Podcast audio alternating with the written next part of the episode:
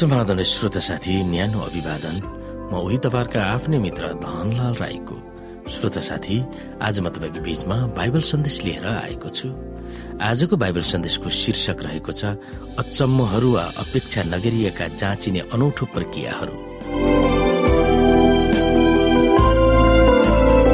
श्रोता साथी आजको अध्ययन एक पत्रुस चार अध्यायको बाह्रबाट। यहाँ भनिएको छ प्रिय मित्रहरू तिमीहरूलाई पारा गर्ने अग्निमय परीक्षा तिमीहरूमाथि आइपर्दा र महासङ्कटमा परिरहनु पर्दा केही अनौठो कुरा भए जस्तै तिमीहरू छक्क नपर। यहाँ अचम्म अनौठो वा अचाक्ली लाग्दो भन्ने शब्द पौराणिक ग्रिक भाषाबाट उतारिएको हो। ती सबैको मूल अर्थ तिनीहरू अपरिचित विदेशी र परदेशी परिस्थितिहरू हुन्। इसाई जीवनमा आउने अनेकौं परीक्षा अग्निहोम दुःख कष्ट विषम परिस्थितिहरू र मृत्युको सामानाहरू नौलो र अनावश्यक रूपमा आइपरेको कष्टहरू हुन् भनेर तिनीहरू हामीलाई नाश गर्न वा सोत्तर पार्न आएका हुन् भन्ने धरापमा नपर्न आफ्ना प्रिय पाठकहरूलाई नसोच्न पत्रुसले आग्रह गर्दछन्। बरु तिनीहरूलाई साधारण अनुभवहरू हुन् र तिनीहरू आउन हामीले अपेक्षा गर्नै पर्दछ। अग्नि परीक्षा वा आगोको ज्वालामा पर्नु भन्ने शब्द ग्रिक भाषामा जलिरहेको ठाउँ भनेर उल्लेख गरिएको छ। अर्को अनुवादमा यसलाई दन जलिरहेको भट्टी पनि भनिन्छ। ती सबै आतताई परिस्थितिहरू हामीलाई निखार्न तिखार्न र खार्न आएका हुन्। ताकि हाम्रो आस्था निष्ठा र प्रभुमाथिको भरोसा अटल होस् भन्ने पत्रुसले आफ्नै अनुभवबाट प्रस्तुत गर्दछ। हामी यहाँनिर एक पत्रुस चार अध्यायको बाह्रदेखि उन्तिससम्म हेर्न सक्छौ। यहाँ पत्रुसले के समसामिक र सान्दर्भिक सन्देश अहिले मात्र होइन तत्कालीन कष्ट भोगिरहेका यशु भक्तहरूलाई दिएका थिए। हामी यहाँ हेर्न सक्छौ प्रिय हो तिमीहरूलाई पारख गर्ने अग्निमय परीक्षा तिमीहरूमाथि आइपर्दा केही अनौठो कुरा भए जस्तै तिमीहरू छक्क नपर तर ख्रिसका कष्ट भोगमा सहभागी हुँदा रमाओ ताकि उहाँको महिमा प्रकट हुँदा तिमीहरू पनि आनन्दित र हर्षित हुन सक। यदि ख्रिसको नाउँमा तिमीहरू निन्दित भयो भने तिमीहरू धन्यका हो किनभने महिमाका र परमेश्वरका आत्मा तिमीहरूमाथि रहनुहुन्छ।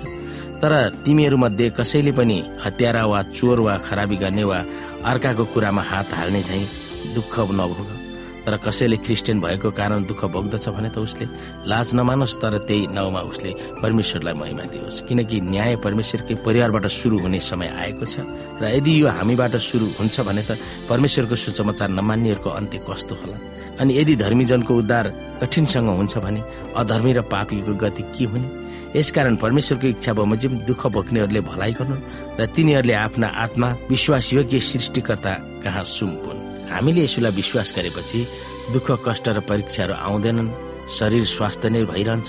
कुनै आर्थिक सामाजिक पारिवारिक र व्यक्तिगत समस्याहरूको सामना गर्नु पर्दैन भनेर कतिपयले अत्याधिक जोड र अति सरलीकरण वा अत्यन्तै हल्का रूपमा सोच्दछ र नयाँहरूलाई उत्तेजित र जोशीले पनि बनाउँछन्। जब हामीले सोचेको भन्दा फरक परिस्थितिमा हामी पर्दछौँ तब हामीलाई अचम्म लागेकै हुन्छ। तर एउटा कुरालाई आत्मसात गरिराख्नु अत्यन्तै जरुरी छ। प्रभु असल हुनुहुन्छ भन्ने कुरा वास्तविक छ तर उहाँलाई धमिल्याउने र हामीलाई सिकारी ठान्ने अन्धकारको खराब शक्ति शैतानको अस्तित्व पनि वास्तविक नै छन् यो कुनै मनगणन्ते धार्मिक पुराण वा दर्शन विद्याको मन्थन होइन तर प्राय जसो सबै असल थोकहरू प्रभुको बाकसमा थुप्राउँछौ भने नराम्रो थोकहरू शैतानको बाकसमा हाल्दछौँ तर हाम्रो जीवन त्यस्तो सरल छैन। प्रभुको वा शैतानको बाकस वा पोकोमा भएका थोकहरूलाई हाम्रो भावना र मर्मलाई प्रयोग गरेर तिनीहरूलाई ठिक वा बेठिक भनेर ठम्याउने क्षमता हामीमा छैन। कतिपय समयमा प्रभुसँग हिँड्दा हामीमा धेरै चुनौती समस्या र जटिल परिस्थितिहरू आउँछन्। कतिपय समयमा प्रभुको पछि किन लाग्ने यसैलाई नै विश्वास गरेर किन हिँड्ने उहाँ उहाँको चालमा किन हिँड्ने बरु शैतानको पछि लागे सबै ठिक रमाइलो रमझम र फलिफाप भइहाल्छ नि र भइ पनि रहेको हामी देख्दछौँ। अयुब धार्मिक सिधा निर्दोष र धर्मपरायण व्यक्ति त प्रभुलाई यो प्रश्न सिधै गरेका थिए। मलाई हेर्नुहोस् र अवाक हुनुहोस् र हातले मुख छोप्नुहोस्। जब म यो सम्बन्धमा सोच्दछु म त्रासले भरिन्छु र मेरो सारा शरीर नै थरथर काउँछ दुष्टहरू किन चिरञ्जीवी हुन्छन्? वृद्धावस्था र शक्तिमा किन बढ्दै रहन्छन्? आफ्ना छोराछोरीहरूलाई आफ्ना वरिपरि राम्ररी स्थापित भएका र तिनीहरूका सन्तानलाई फलिफाप भएका तिनीहरू देख्न पाउँछन्। तिनीहरूका परिवारहरू सुरक्षित र डरबाट स्वतन्त्र हुन्छन्। परमेश्वरको न्यायको दण्ड तिनीहरूमाथि पर्दैन। तिनीहरूका बहर मिसिन्छन् र खेर जाँदैनन्। तिनीहरूका गाईहरू ब्याउँछन् तर धुइँदैनन्। तिनीहरूका छोराछोरीहरू थुमाहरू झैँ खेल्न कुद्छन् र तिनीहरूका ससाना नानीहरू नाच्दै उफ्रन्छन्।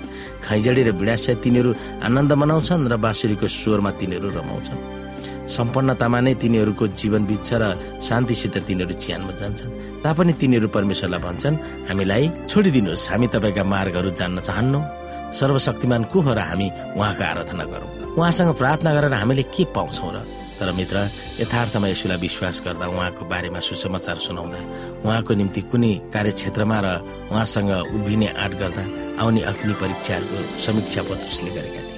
तर अरू अरू कारणले पनि दुःख कष्ट र परीक्षा त आउँछ नै जब सामना नै गर्न नसक्ने परिस्थितिहरू कसैलाई आउँछन् तब अत्यन्तै कुशल भएर एक पत्रुस चार अध्यायको बाह्रदेखि उन्नाइसले औल्याउँदै उसलाई सम्झन प्रयत्न गर्ने प्रतिबद्धतामा तपाईँ रहिरहनु पर्दछ